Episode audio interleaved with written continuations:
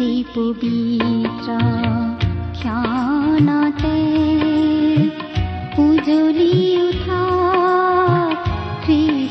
জ্যোতি ভক্তিবচন অনুষ্ঠানৰ আজিৰ এই কাৰ্যসূচীলৈ সাদৰ সম্ভাষণেৰে আপোনাক আদৰিছো প্ৰিয় শ্ৰোতা। প্ৰিয় শ্ৰোতা ভক্তিবচন অনুষ্ঠানৰ আজিৰ এই শিক্ষা শুনিবলৈ আপোনাৰ বহুমূলীয়া সময় খৰচ কৰাৰ বাবে ধন্যবাদ। আপুনি খৰচ কৰা এই সময়খিনিত আপুনি জীৱনৰ এক বিশেষ আশীৰ্বাদ লাভ কৰিব বুলি বিশ্বাস কৰোঁ। আজিৰ এই অনুষ্ঠানে নিশ্চয় আপোনাক জীৱনৰ তৃপ্তি দান কৰিব। এই অনুষ্ঠানৰ শিক্ষাসমূহে আপোনাক আম্মিক আৰু পাৰিবাৰিক সকলো অৱস্থাতেই সহায় কৰিব বুলি আশা কৰিছো। আমাৰ বিশ্বাস প্ৰভু যীশুৰ বাণীসমূহে আপোনাক প্ৰচুৰ জীৱনৰ সোৱাদ দিব পাৰে। তেওঁৰ বাক্যই আপোনাক জীৱনৰ সকলো পৰিস্থিতিত থিৰে থাকিবলৈ আৰু উন্নতিৰ পথেৰে অগ্ৰসৰ হবলৈ সহায় কৰিব। ঈশ্বৰৰ এই বাক্যৰে আপুনি যেন প্ৰতিদিন আম্মিকভাৱে অধিক বলৱান আৰু পাৰিবাৰিক শান্তিৰ জীৱন যাপন কৰিব পাৰে তাৰেই কামনা কৰিছো। এই কামনাৰে আপোনালৈ আগবঢ়াইছো বাইবেলৰ শিক্ষামূলক অনুষ্ঠান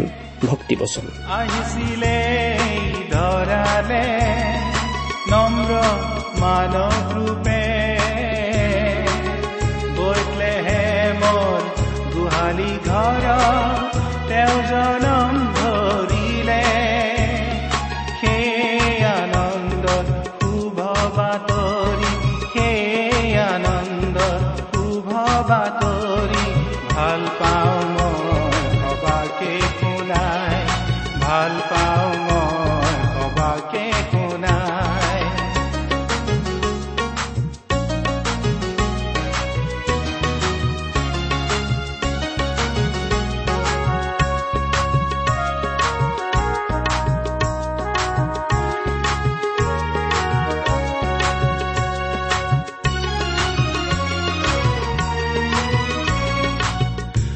পাপৰ গধুৰ বুজাব তেওঁ কান্ধতে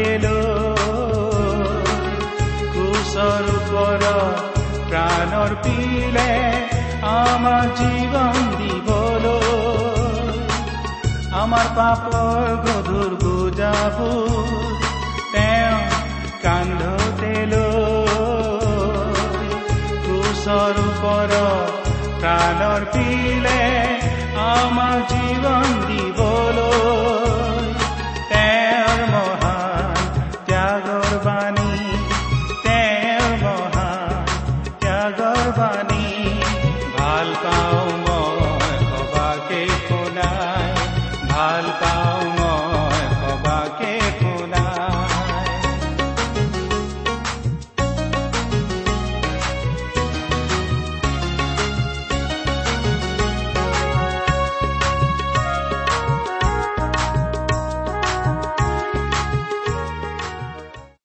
আমাৰ পৰম পবিত্ৰ প্ৰভু যীশুখ্ৰীষ্টৰ নামত নমস্কাৰ প্ৰিয় শ্ৰোতা। আশা কৰো মহান পিতা পৰমেশ্বৰৰ মহান অনুগ্ৰহত আপুনি ভালে কুশলে আছে। লগতে এই বুলিও আশা কৰিছো যে আপুনি আমাৰ এই ভক্তিবচন অনুষ্ঠানটো নিয়মিতভাৱে শুনি আছে। প্ৰিয় শ্ৰোতা এই অনুষ্ঠান শুনি আপুনি কেনে পাইছে আমালৈ চিঠি লিখি জনাবচোন। আপোনালোকৰ পৰা চিঠি পত্ৰ পাবলৈ আমি আগ্ৰহেৰে বাট চাওঁ। আমাৰ যোগাযোগৰ ঠিকনাটো হয়তো আপোনাৰ মনত আছে। আহকচোন আজিৰ বাইবেল অধ্যয়ন আৰম্ভ কৰাৰ আগতে খন্তেক প্ৰাৰ্থনাত মূৰ দুৱাওঁ। স্বৰ্গত থকা অসীম দয়ালু পিতৃ ঈশ্বৰ তোমাৰ মহান নামৰ ধন্যবাদ কৰো। তুমি মহান তুমি কৰুণাময় তুমি অনুগ্ৰহৰ আকৰ। তোমাৰ অনুগ্ৰহতেই আজি আমি প্ৰভু যীশুত বিশ্বাস কৰি পৰিত্ৰাণ পাব পৰা হৈছো তোমাক পিতৃ বুলি মাতিব পৰা হৈছো। তুমি আমালৈ যিমান অনুগ্ৰহ দেখুৱাইছা তাৰ বাবে তোমাক ধন্যবাদ দি আমি শেষ কৰিব নোৱাৰো। এতিয়া প্ৰাৰ্থনা কৰিছো তোমাৰ মহান বাক্য বাইবেল শাস্ত্ৰৰ যোগেৰে তুমি আমাক কথা কোৱা। তোমাৰ মাত আমাক শুনিবলৈ দিয়া। কিয়নো এই প্ৰাৰ্থনা আমাৰ মহান ত্ৰাণকৰ্তা প্ৰভু যীশুখ্ৰীষ্টৰ নামত আগবঢ়াইছো।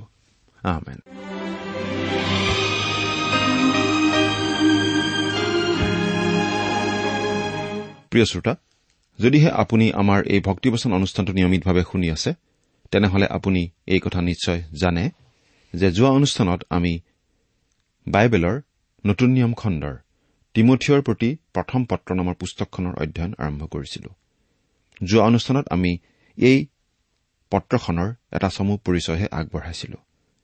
আজি আমি প্ৰথম অধ্যায়ৰ এক নম্বৰ পদৰ পৰাই আমাৰ আলোচনা আগবঢ়াই নিব খুজিছো। এই প্ৰথম অধ্যায়টোত পাচনি পৌলে খ্ৰীষ্টীয় মণ্ডলীৰ বিশ্বাসৰ তত্ব কি তাৰ তালিকা এখন দিয়া নাই নাইবা বিশ্বাসৰ তত্বমূলক কথা বহলাই আলোচনা কৰা নাই। কিন্তু স্থানীয় মণ্ডলীসমূহত যে ভুৱা শিক্ষকসকল ওলাব তেওঁলোকৰ বিষয়ে সাৱধানবাণীহে শুনাইছে। ঈশ্বৰৰ অনুগ্ৰহৰ যি শুভবাৰ্তা সেই শুভবাৰ্তাই খ্ৰীষ্টীয় মণ্ডলীৰ বিশ্বাসৰ তত্বৰ মূল কথা আৰু খ্ৰীষ্টৰ ব্যক্তিত্বৰ কথা ইয়াৰ লগত জড়িত এই বিষয়টো পৌলে এই অধ্যায়ত প্ৰকাশ কৰা আমি দেখিবলৈ পাম। পাচনি পৌলৰ যিমানবোৰ পত্ৰ আমি ইতিমধ্যে পঢ়ি আহিলো সেইবোৰত পত্ৰখন যেনেদৰে আৰম্ভ কৰা হৈছিল এই প্ৰথম তিমঠীয় পত্ৰত তাতকৈ আৰম্ভণিটো অলপ বেলেগ। হয়তো আপুনি ধাৰণা কৰি লৈছিল পত্ৰবিলাক পৌলে সদায় একেধৰণেই আৰম্ভ কৰে। কিন্তু পালকীয় পত্ৰ অৰ্থাৎ প্ৰথম দ্বিতীয় তিমঠীয় আৰু তৃতীয় পত্ৰ এই পত্ৰকেইখনৰ আৰম্ভণিটো অলপ বেলেগ। এতিয়া আমি প্ৰথম পদ দুটা পাঠ কৰো। প্ৰথম তিমঠীয় পত্ৰৰ প্ৰথম অধ্যায়ৰ এক আৰু দুই পদ। আমাৰ ত্ৰাণকৰ্তা ঈশ্বৰৰ আৰু আশাভূমি খ্ৰীষ্ট যীশুৰ আজ্ঞাৰ দৰে। খ্ৰীষ্ট যীশুৰ নিযুক্ত পাচনি পৌল বিশ্বাসত থকা মোৰ প্ৰকৃত পুত্ৰ তিমঠিয়ৰ সমীপলৈ। পিতৃ ঈশ্বৰ আৰু আমাৰ প্ৰভু খ্ৰীষ্ট যীশুৰ পৰা অনুগ্ৰহ দয়া আৰু শান্তি তোমালোকলৈ হওক। আমাৰ ত্ৰাণকৰ্তা ঈশ্বৰৰ। প্ৰিয় শ্ৰোতা প্ৰথমতেই প্ৰশ্ন কৰিব খুজিছো ঈশ্বৰ আমাৰ ত্ৰাণকৰ্তা হয়নে বাৰু? তেওঁ নিশ্চয় আমাৰ ত্ৰাণকৰ্তা হয়। কিয়? কাৰণ ঈশ্বৰে জগতক ইমান প্ৰেম কৰিলে যে নিজৰ একেজাত পুত্ৰকে দান কৰিলে যাতে যিকোনোৱে তেওঁত বিশ্বাস কৰে তেওঁ নষ্ট নহয় কিন্তু অনন্ত জীৱন পায়। জোহন তিনি অধ্যায় ষোল্ল পদ। আমাৰ পৰিত্ৰাণৰ কাৰণে ঈশ্বৰে সকলো ব্যৱস্থা কৰিলে। তেওঁ আমাৰ পাপৰ প্ৰায়চিত্ৰ কৰিবলৈ বলিৰ ব্যৱস্থা কৰিলে। সেই বলি তেওঁৱেই যোগালে আৰু সেই বলি হৈছে প্ৰভু যীশুখ্ৰীষ্ট। প্ৰভু যীশুখ্ৰীষ্ট এই পৃথিৱীলৈ আহিল আৰু পৰিত্ৰাণ সিদ্ধ কৰিলে। তেওঁত বিশ্বাস স্থাপন কৰি আজি আমি সকলোৱেই আমাৰ পাপৰ ক্ষমা লাভ কৰি পৰিত্ৰাণ পাব পাৰো। আমি নিজৰ চেষ্টাৰে কোনেও মুক্তি লাভ কৰিব নোৱাৰো। সেইবাবেই ঈশ্বৰে আমাৰ পৰিত্ৰাণ কৰিবলৈ নিজে নামি আহিব লগা হ'ল। এৰা তেওঁ আমাৰ ত্ৰাণকৰ্তা তেওঁ পৰিত্ৰাতা। সেই ত্ৰাণকৰ্তা ঈশ্বৰক আপুনি গ্ৰহণ কৰিছেনে? আৰু আশাভূমি খ্ৰীষ্ট যীশু খ্ৰীষ্টই আমাৰ আশাভূমি। এই বুলি ক'লে কোনো কোনো অলপ হয়তো আচৰিত হ'ব পাৰে। কাৰণ খ্ৰীষ্টই আমাৰ আশাভূমি এই কথাটো আমি শাস্ত্ৰত বেছি উল্লেখ থকা নাপাওঁ। আচলতে খ্ৰীষ্টই আমাৰ আশা বুলি আমি আৰু বেলেগ এঠাইতো এনেদৰে লিখা পাওঁ। সেয়া হৈছে কলচীয়া এক নম্বৰ অধ্যায়ৰ সাতাইছ নম্বৰ পদ। পাঠ কৰি দিছো। পৰজাতিবিলাকৰ মাজত সেই নিগৃঢ় তত্বৰ প্ৰতাপ ধন কি? তাক সেই পবিত্ৰবিলাকক জনাবলৈ ঈশ্বৰে মনস্থ কৰিলে। সেই ধন তোমালোকত থকা খ্ৰীষ্ট তেওঁৱেই প্ৰতাপৰ আশা। প্ৰভু যীশুৱে ক্ৰুচত তেওঁৰ প্ৰাণ দিছিল আপোনাক মোক সকলোকে উদ্ধাৰ কৰিবলৈ। তেওঁ ক্ৰুচত হত হৈছিল যাতে আমি জীৱন পাব পাৰো। কিন্তু তেওঁ কবৰৰ পৰা পুনৰ জি উঠিল। তেওঁ আজি জীৱিত। তেওঁ স্বৰ্গত পিতৃ ঈশ্বৰৰ সোঁহাতে বহি আছে। তেওঁ জীয়াই আছে আমাক পৰিত্ৰাণ দি থাকিবলৈ। আমাৰ অনন্ত জীৱন সুনিশ্চিত কৰি ৰাখিবলৈ। এদিন তেওঁ উভতি আহিব আৰু তেওঁত বিশ্বাস কৰা সকলোকে এই পৃথিৱীৰ পৰা লৈ যাব। তেওঁৰ লগত ৰাখিবলৈ আৰু তেতিয়াই আমাৰ পৰিত্ৰাণ সিদ্ধ হ'ব। আমি যেতিয়া অতীতলৈ উভতি চাওঁ আমি দেখা পাওঁ দুহেজাৰ বছৰ আগতে আমাৰ পৰিত্ৰাণৰ অৰ্থে তেওঁ ক্ৰুচত প্ৰাণ দিয়াৰ কথা। অৰ্থাৎ অতীতলৈ চালে তেওঁই আমাৰ বিশ্বাসৰ আধাৰ। আমি যদি বৰ্তমানলৈ চাওঁ আমাৰ চাৰিওপিনে চাওঁ আমি অনুভৱ কৰো তেওঁৰ প্ৰেম তেওঁৰ সহভাগিতা তেওঁৰ অনুগ্ৰহ। বৰ্তমানত তেওঁ আমাৰ প্ৰেম। কিন্তু ভৱিষ্যতলৈ চালে তেওঁ আমাৰ আশা। আমাৰ গোটেই জীৱনত আচলতে এই গৌৰৱময় আশাই কাম কৰি থাকে আৰু এই আশা প্ৰভু যীশুখ্ৰীষ্টৰ ব্যক্তিত্বত খোপনি লৈ আছে। খ্ৰীষ্ট যীশুৰ আজ্ঞাৰ দৰে খ্ৰীষ্ট যীশুৰ নিযুক্ত পাচনি পৌল। পত্ৰখনৰ আৰম্ভণিতে পৌলে তিমঠিয়ৰ আগত নিজৰ পাচনি বাবৰ কথা জোৰ দি কৈছে।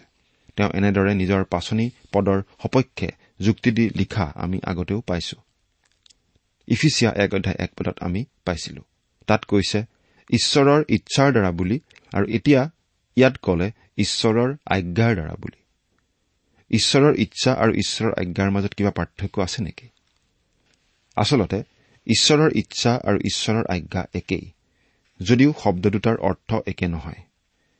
আমি বাইবেলত যিমানবোৰ আজ্ঞা পাওঁ সেই সকলোবোৰৰ মাজেদি ঈশ্বৰৰ ইচ্ছা প্ৰকাশ পায়। ইয়াত আমি আজ্ঞা মানে কেৱল দহ আজ্ঞাৰ কথাই বুজোৱা নাই। ঈশ্বৰৰ সকলো আজ্ঞাৰ কথা আমি কৈছো। উদাহৰণস্বৰূপে আমি ক'ব পাৰো যে আমি যেন প্ৰাৰ্থনা কৰো সেইটো ঈশ্বৰৰ ইচ্ছা। অনেক বিষয় আছে যিবোৰ ঈশ্বৰৰ ইচ্ছা আৰু সেই ইচ্ছাবোৰ আমালৈ আজ্ঞা হিচাপে দিয়া হৈছে। অৱশ্যে আমি এই বুলি নাভাবো যে ঈশ্বৰৰ সকলো ইচ্ছা আমালৈ প্ৰকাশ কৰা হৈছে। শাস্ত্ৰৰ গোটেইবোৰ আজ্ঞা একগোট কৰি চালেও আমি আচলতে ঈশ্বৰৰ মনৰ আটাইবোৰ ইচ্ছা জানিব নোৱাৰো। গতিকে ঈশ্বৰৰ ইচ্ছা বিষয়টো ঈশ্বৰৰ আজ্ঞাতকৈ যথেষ্ট বহল।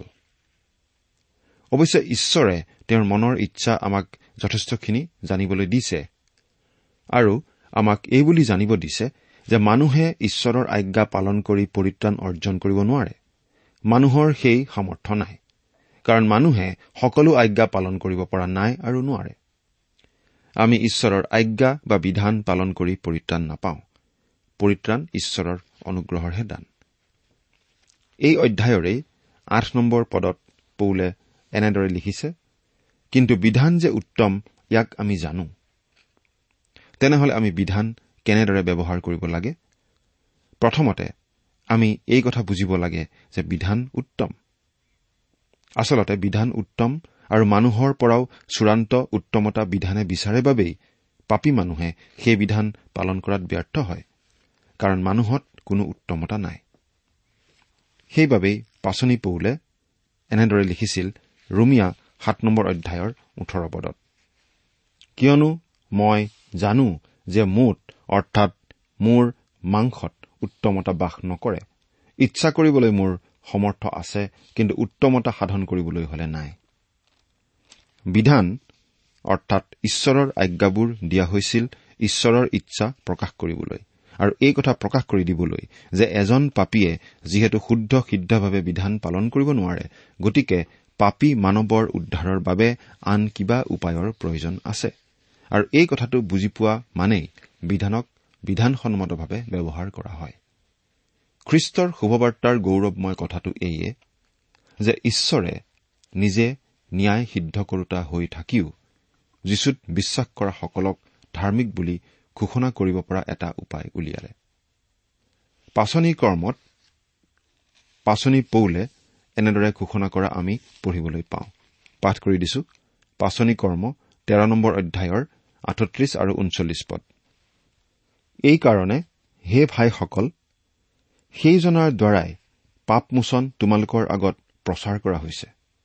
আৰু যি যি দোষৰ পৰা তোমালোকে মুচিৰ বিধানৰ দ্বাৰাই মুক্ত হ'ব পৰা নাই সেই আটাই দোষৰ পৰা বিশ্বাস কৰা সকলোৱে তেওঁৰ দ্বাৰাই মুক্ত হয় ইয়াক তোমালোকে জানিবা হওক তেওঁলোকে বাৰু মুচিৰ বিধানৰ জৰিয়তে কিয় ধাৰ্মিক বুলি গণিত হ'ব পৰা নাছিল? কাৰণ সেইটো আছিল এটা মৃত্যুৰ পৰিচৰ্যা কাৰণ বিধানে তেওঁলোকক দোষী সাব্যস্ত কৰি মৃত্যুদণ্ডৰ যোগ্য বুলিহে ঘোষণা কৰিছিল। আমাক পৰিত্ৰাণ দিবলৈ বিধান দিয়া হোৱা নাছিল। কিন্তু ঈশ্বৰ পবিত্ৰ আৰু আপুনি মই আমি সকলো ঈশ্বৰৰ দৃষ্টিত অপবিত্ৰ পাপী বুলি দেখুৱাবলৈহে বিধান দিয়া হৈছিল। আমাক উদ্ধাৰ কৰিবলৈ ঈশ্বৰে যি পথ বিচাৰি পালে সেয়া হৈছে ক্ৰুচৰ পথ। প্ৰভু যীশুৰ পথ। প্ৰভু যীশুৱে কৈছে ময়েই বাট সত্য আৰু জীৱন। মোৰ যুগেৰে নগলে কোনো মোৰ পিতৃৰ ওচৰলৈ নাযায়। জোহন চৈধ্য অধ্যায় ছয় পদ। বিধান ঈশ্বৰলৈ বাট নহয় কিন্তু খ্ৰীষ্টহে ঈশ্বৰলৈ যোৱা বাট। যেতিয়া পৌলে ইফিচিয়াবিলাকলৈ লিখিছিল যে তেওঁ ঈশ্বৰৰ ইচ্ছা অনুসাৰে এজন পাচনি তেতিয়া তেওঁ ঠিকেই কৈছিল। কিন্তু যেতিয়া তেওঁ এই ডেকা পালক তিমঠিলৈ লিখিছে তেওঁ ঈশ্বৰৰ আজ্ঞা অনুসাৰে এজন পাচনি তেওঁ এই ভাৱ প্ৰকাশ কৰিছিল যে তেওঁ ঈশ্বৰৰ ইচ্ছা অনুসাৰেই মাত্ৰ নহয় কিন্তু ঈশ্বৰে তেওঁক পাচনি কৰিছে। তেওঁ ঈশ্বৰৰ ইচ্ছাৰ অধীনত থকা বাবেই তেওঁ পাচনি নহয় এটা সময়ত ঈশ্বৰে তেওঁক পাচনি হবলৈ আজ্ঞা কৰিছিল। আমাৰ এনে ভাৱ হয় যে পাচনি হবলৈ কিজানি পৌলে সংকোচ কৰিছিল। মুচিয়ে যেনেকৈ নানা অজুহাত দেখুৱাইছিল তেনেকৈ কিজানি পৌলেও পাচনি নহবলৈ নানা অজুহাত দেখুৱাইছিল। আন এঘাৰজন পাচনিৰ নিচিনাকৈ তেওঁ প্ৰভুৰ সৈতে একেলগে সময় কটোৱা নাছিল। প্ৰভু যীশু পৃথিৱীত থকা সময়ত পৌলে আনকি তেওঁক জনাই নাছিল। কিন্তু পৌলে গৌৰৱান্বিত অৰ্থাৎ কবৰৰ পৰা পুনৰুত্থিত হোৱা যীশুকহে লগ পাইছিল। তেওঁ কৈছিল তেওঁ পাচনি হোৱাৰ উপযুক্ত নহয়। কিন্তু প্ৰভু যীশুৱে কৈছিল মই তোমাক আদেশ দিছো পাচনি হবলৈ। আৰু এইবাবেই পৌলে যিহুদীসকলৰ ধৰ্মধামলৈকো যাব পাৰিছিল আৰু এথেন্সৰ জ্ঞান পিপাসু দৰ্শক মণ্ডলী কৰিণ্ঠৰ গেলাপচা পাপত মত্ত থকা জনসমাৱেশ সকলোৰে আগলৈ গৈ সাহসেৰে শুভবাৰ্তা ঘোষণা কৰিব পাৰিছিল। তেওঁ আছিল সৈন্যবাহিনীৰ অধিনায়কৰ আদেশ পালন কৰি থকা এজন সৈন্যৰ নিচিনা। আজ্ঞা পোৱা পাচনি নিযুক্তি পোৱা নহয় আজ্ঞা পোৱা। পৌলৰ গাত হাত দি প্ৰাৰ্থনা কৰি কোনেও তেওঁক পাচনি বুলি নিযুক্তি দিয়া নাছিল। কিন্তু প্ৰভু যীশুৱে নিজে তেওঁক কৰ্তৃত্ব প্ৰদান কৰিছিল। জিৰিমিয়া ভাৱবাদীৰো এই একেধৰণৰ কৰ্তৃত্ব আছিল। তেওঁ পাঁচ হুহকি অহা ব্যক্তি আছিল। ভগ্ন হৃদয়ৰ আৰু সহজে হাত দাঙি দিয়া ধৰণৰ লোক আছিল। তথাপি তেওঁ ওলাই গৈ ঈশ্বৰৰ বাক্য ঘোষণা কৰিছিল আৰু ঈশ্বৰৰ পৰা অহা অতি কঠোৰ বাক্য কিছুমান ঘোষণা কৰিছিল। তেওঁ কিয় সেই কাম কৰিছিল? কেনেকৈ কৰিব পাৰিছিল? তেওঁ আদেশ পোৱা সৈন্য আছিল। ঈশ্বৰৰ আদেশ পোৱা সৈন্য। আজি যদি কোনোবাই ঈশ্বৰৰ বাক্য ঘোষণা কৰিব খোজে তেনেহলে তেওঁ কৰ্তৃত্ব সহকাৰে ঘোষণা কৰিব লাগে। নহলে মনে মনে থকাই ভাল।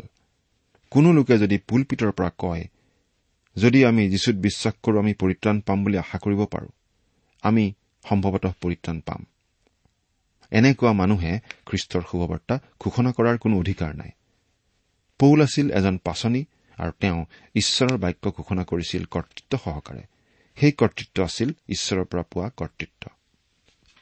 বিশ্বাসত থকা মোৰ প্ৰকৃত পুত্ৰ তিমঠিয়ৰ সমীপলৈ। তিমঠিক কেতিয়াবা তিমঠিয় বুলি কোৱা হয় কেতিয়াবা তিমঠি বুলি কোৱা হয়। গ্ৰীক নামটো তিমঠিয়াছ আৰু এই তিমঠিয়াছ নামটো দুটা গ্ৰীক শব্দৰ দ্বাৰা গঠিত আৰু তাৰ অৰ্থ হৈছে যিজন ঈশ্বৰৰ প্ৰিয়। তিমঠি ঈশ্বৰৰ প্ৰিয় আছিল। তেওঁ পাচনি পৌলৰো প্ৰিয় আছিল আৰু তেওঁ স্থানীয় মণ্ডলীৰো প্ৰিয় আছিল। আমি তিমঠিৰ বিষয়ে পঢ়িবলৈ পাওঁ পাচনিৰ কৰ্ম ইফিচিয়া আৰু ফিলিপিয়া পুস্তকত। তেওঁৰ দেউতাক আছিল এজন গ্ৰীক লোক। তেওঁৰ আইতাক লুই আৰু তেওঁৰ মাক উনিকি তেওঁৰ আগতেই খ্ৰীষ্টিয়ান হৈছিল। তেওঁ লুষ্ট্ৰা নগৰত বাস কৰিছিল আৰু সেই লুষ্ট্ৰাতেই পাচনি পৌলক শিল দলিয়াই মৰা হৈছিল। আমি বিশ্বাস কৰো যে সেই সময়ত পাচনি পৌলক মৃত অৱস্থাৰ পৰা ঈশ্বৰে জীয়াই তুলিছিল আৰু হয়তো সেই ঘটনাটোৱে তিমঠিকো খ্ৰীষ্টৰ বিশ্বাসলৈ আনিছিল। ডেকা হিচাপে হয়তো তেওঁ কথাবোৰ সহজে বিশ্বাস কৰিব নোখোজা বিধৰ আছিল আৰু এই ঘটনাটোৱে নিশ্চয় তেওঁৰ ওপৰত বিশেষভাৱে প্ৰভাৱ পেলাইছিল আৰু তেওঁ খ্ৰীষ্টৰ বিশ্বাসী হৈ পৰিছিল। খ্ৰীষ্টীয় বিশ্বাসলৈ অহাৰ পাছত তেওঁ পৌলৰ এজন বিশ্বাসী সহকৰ্মী আৰু অনুগামী হৈ পৰিছিল। তিমঠিৰ যথেষ্ট সদনাম আছিল। তিমঠিয়ে পৌলৰ সহকৰ্মী হিচাপে যিমানেই কাম কৰি গ'ল সিমানেই তেওঁ বিশ্বাসৰ পাত্ৰ হ'ল। আনহাতে বহুতো লোক বিশ্বাসঘাতক বুলিহে প্ৰমাণিত হ'ল। মণ্ডলীৰ পালকসকলৰ বিশ্বাসযোগ্য বন্ধু আৰু সহকৰ্মী থকাটো অতি আনন্দৰ কথা। আৰু এনেকুৱা বিশ্বাসযোগ্য লোকসকলৰ কাৰণেই ঈশ্বৰৰ পৰিচৰ্যা বৰ্তি থাকে আগবাঢ়ি থাকে। এনেকুৱা বহুত মানুহো আছিল যিবোৰক পৌলে কেতিয়াও বিশ্বাসত ল'ব পৰা নাছিল। কিন্তু তিমঠি আছিল বিশ্বাসযোগ্য। মোৰ বিশ্বাসৰ প্ৰিয় পুত্ৰ তিমঠি। এইখিনি কথাৰ অৰ্থ আমি নিশ্চয় বুজি পাইছো। তিমঠিয়ে পাচনি পৌলৰ যোগেদি খ্ৰীষ্টৰ বিশ্বাসলৈ আহিছিল। সেইবাবে তেওঁ পৌলৰ বাবে পুত্ৰৰ নিচিনা আছিল বিশ্বাসৰ পুত্ৰ। তদুপৰি তেওঁ পৌলৰ অতি বিশ্বাসী হিচাপে প্ৰিয় পাত্ৰ আছিল। আমি বাৰু আনৰ প্ৰতি বিশ্বাসীনে আমি বাৰু আনৰ প্ৰিয় পাত্ৰনে? সমাজত আমাৰ বাৰু সদনাম আছেনে? আমি নিজকে এইবোৰ প্ৰশ্ন কৰি চোৱা উচিত। আমি ইয়াত আৰু এটা শব্দ পাইছো। সেইটো হৈছে দয়া। ইংৰাজীত মাৰ্চি অসমীয়াত আমি কৰুণা বুলিও ক'ব পাৰোঁ। পুৰণি নিয়মত এই কৰুণা শব্দটো সঘনাই ব্যৱহাৰ কৰা হৈছিল। ই অনুগ্ৰহৰ নিচিনা অৰ্থতেই ব্যৱহৃত হৈছিল। পুৰণি নিয়মৰ দিনত পাপমোচনৰ বাবে যি বলি আগবঢ়োৱা হৈছিল সেই বলিদানেই ঈশ্বৰৰ পবিত্ৰ ন্যায়বান আৰু শুদ্ধ বিচাৰ সিদ্ধ কৰোতা ঈশ্বৰৰ সিংহাসনক অনুগ্ৰহৰ সিংহাসন কৰিছিল। যেতিয়া আমি ঈশ্বৰৰ ওচৰলৈ আহোঁ আমি আচলতে ন্যায় বিচাৰ নিবিচাৰো কাৰণ ন্যায় বিচাৰ মতে আমি ঈশ্বৰৰ পৰা শাস্তিহে পাম। আমাক আচলতে লাগে কৰুণা। আৰু আমি তাকেই বিচাৰো। আৰু ঈশ্বৰে তেওঁৰ সকলো সৃষ্ট জীৱৰ বাবেই কৰুণা দিছে। আপোনাৰ মোৰ বাবে প্ৰয়োজনীয় গোটেইখিনি কৰুণা তেওঁৰ তাতেই আছে। কিন্তু তেওঁৰ সেই কৰুণা বেংকত থকা টকাৰ নিচিনা। যেতিয়ালৈকে আমি চেক এখন লিখি সেই টকা নুলিয়াওঁ তেতিয়ালৈকে সেই টকাৰ মূল্য নথকাৰ নিচিনা।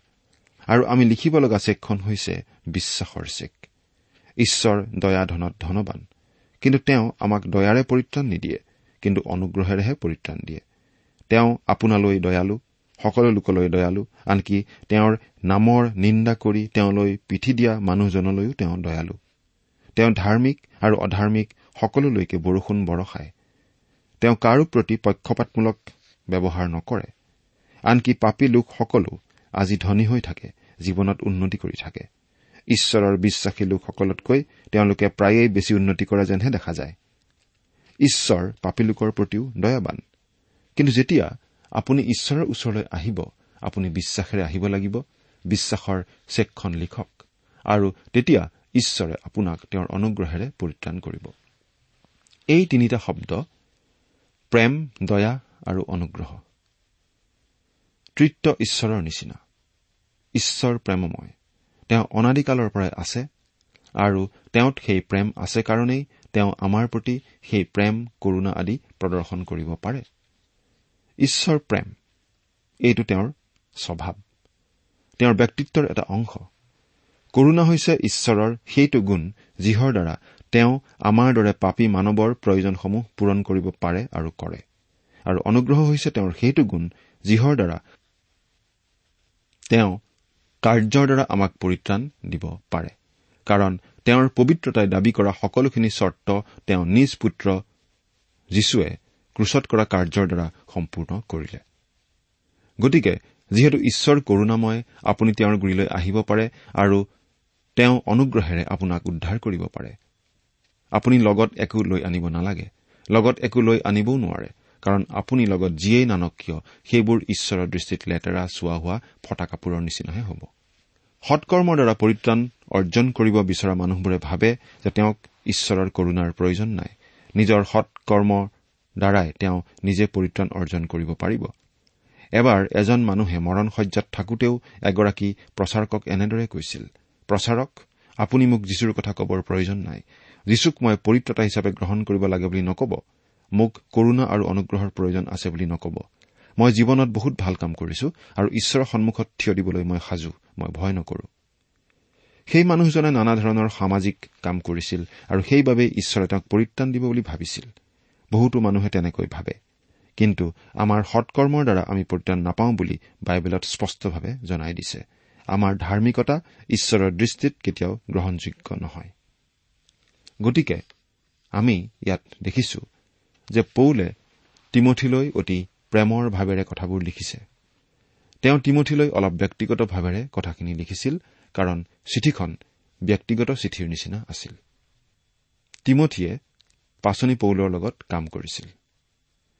আৰু মহান পাচনি পৌলে অন্তৰৰ খোলা ভাৱেৰে তিমঠিলৈ চিঠিখন লিখিছিল। কিন্তু প্ৰিয় শ্ৰোতা ঈশ্বৰৰ আত্মাই এতিয়া ইয়াৰ মাজেৰে আমাক আপোনাক মোক কথা কৈ আছে আৰু নানা কথা শিকাই আছে। যদিও এই প্ৰথম তিমঠীয় পত্ৰখন এখন ব্যক্তিগত চিঠিৰ নিচিনা ইয়াত স্থানীয় মণ্ডলীৰ কাৰ্যকলাপৰ কথা লিখা আছে। কেনেকৈ বিশ্বাসীসকলে একেলগে সমাজৰ আগত নিজৰ চিনাকি দিব পাৰে? প্ৰতিজন খ্ৰীষ্টীয় বিশ্বাসীয়েই কোনো এটা স্থানীয় বিশ্বাসীৰ দলৰ লগত সংযোজিত হৈ থাকিব লাগে আৰু সমজুৱাভাৱে খ্ৰীষ্টৰ সেৱাত লাগিবলৈও শিকিব লাগে। আমাৰ পিতৃ পাচনি পৌলে ঈশ্বৰক পিতৃ বুলি কৈছে। আমাৰ পিতৃ অৰ্থাৎ ঈশ্বৰ তিমঠিৰো পিতৃ। ঈশ্বৰ আপোনাৰো পিতৃ যদিহে আপুনি খ্ৰীষ্টক গ্ৰহণ কৰিছে। সেইবুলি আপুনি বাৰু ক'ব পাৰেনে? আমাৰ প্ৰভু যীশুখ্ৰীষ্ট। স্থানীয় মণ্ডলীত যি কাম কাজ কৰা হয় সকলোবোৰ প্ৰভু যীশুখ্ৰীষ্টৰ নামত আৰু প্ৰভু যীশুখ্ৰীষ্টৰ আজ্ঞা অনুসৰিয়েই কৰা হ'ব লাগে। প্ৰভু যীশুখ্ৰীষ্টই হৈছে মণ্ডলীৰ মূৰ। তেওঁৱেই প্ৰভু। প্ৰভু যীশুৱে এই বুলি কৈছিল তোমালোকে মোক প্ৰভু প্ৰভু বোলা কিন্তু মোৰ আজ্ঞাবোৰ পালন নকৰা। সেই কথা বাৰু তেওঁ আজি আমাৰ বহুতকেই নকবনে? আমি বাৰু তেওঁৰ কামত ব্যস্ত হৈ আছো। সেইটো ভাল কথা। কিন্তু তেওঁৰ প্ৰতি প্ৰকৃত বাধ্যতা প্ৰদৰ্শন কৰিবলৈ আমি বাৰু পাহৰি গৈছো নেকি? বা সেই কথা আমি বাৰু চিন্তাই নকৰো নেকি? পিতৃ ঈশ্বৰ আৰু আমাৰ প্ৰভু খ্ৰীষ্ট যীশুৰ পৰা অনুগ্ৰহ দয়া আৰু শান্তি তোমালোকলৈ হওক। প্ৰিয় শ্ৰোতা প্ৰভু যীশুখ্ৰীষ্টক ত্ৰাণকৰ্তা বুলি গ্ৰহণ কৰি আমি পিতৃ ঈশ্বৰ আৰু প্ৰভু যীশুখ্ৰীষ্টৰ সেই দয়া অনুগ্ৰহ আৰু শান্তি আমাৰ জীৱনত লাভ কৰিব পাৰো। আপুনি বাৰু লাভ কৰিছেনে? ঈশ্বৰ আপোনাৰ সহায় হওক। নুবুজিলা তুমি বন্ধু। প্ৰিয় শ্ৰোতা ইমান পৰে আপুনি বাইবেল শাস্ত্ৰৰ পৰা ঈশ্বৰৰ বাক্য শুনিলে। এই বিষয়ে আপোনাৰ মতামত জানিবলৈ পালে আমি নথৈ আনন্দিত হ'ম। আমি প্ৰস্তুত কৰা বাইবেল অধ্যয়নৰ চিডিসমূহ পাব বিচাৰিলে আৰু অনুষ্ঠানত প্ৰচাৰ কৰা কোনো কথা বুজিব লগা থাকিলেও আমালৈ লিখক। আমাৰ যোগাযোগৰ ঠিকনা ভক্তিবচন ট্ৰান্সৱৰ্ল্ড ৰেডিঅ' ইণ্ডিয়া ডাক বাকচ নম্বৰ সাত শূন্য গুৱাহাটী সাত আঠ এক শূন্য শূন্য এক। ঠিকনাটো আকৌ এবাৰ কৈছো ভক্তিবচন ট্ৰান্সৱৰ্ল্ড ৰেডিঅ' ইণ্ডিয়া ডাক বাকচ নম্বৰ সাত শূন্য গুৱাহাটী সাত আঠ এক শূন্য শূন্য এক। প্ৰভু যীশু আহিছিল এই পৃথিৱীলৈ।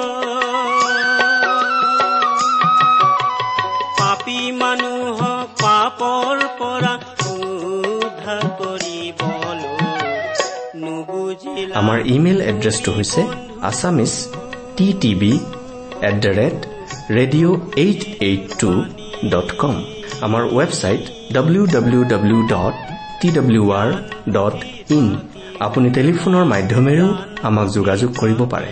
আমাৰ টেলিফোন নম্বৰটো হৈছে nine eight five four zero' four zero' eight eight nine phone নম্বৰটো আকৌ এবাৰ কৈছো ন আঠ পাঁচ চাৰি শূন্য চাৰি।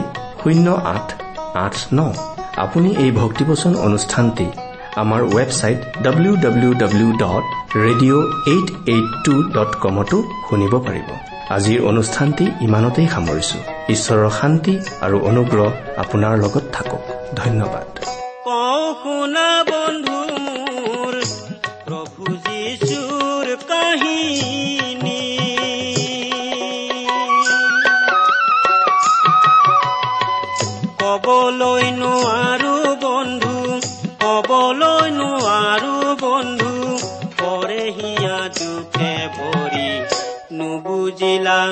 বন্ধু তুমি।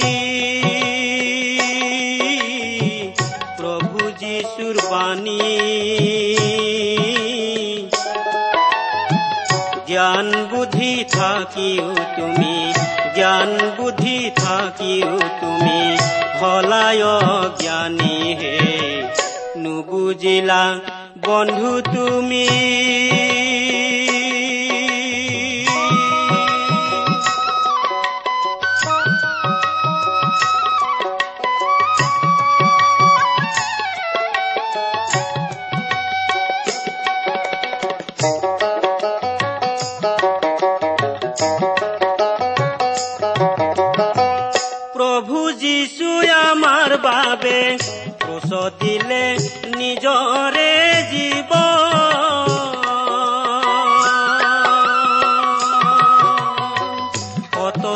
যাতনা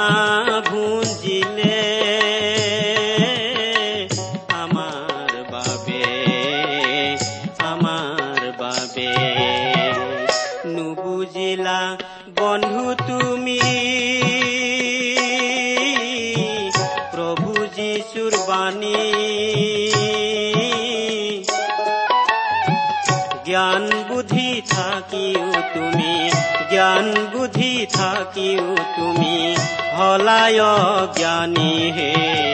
নুবুজিলা বন্ধু তুমি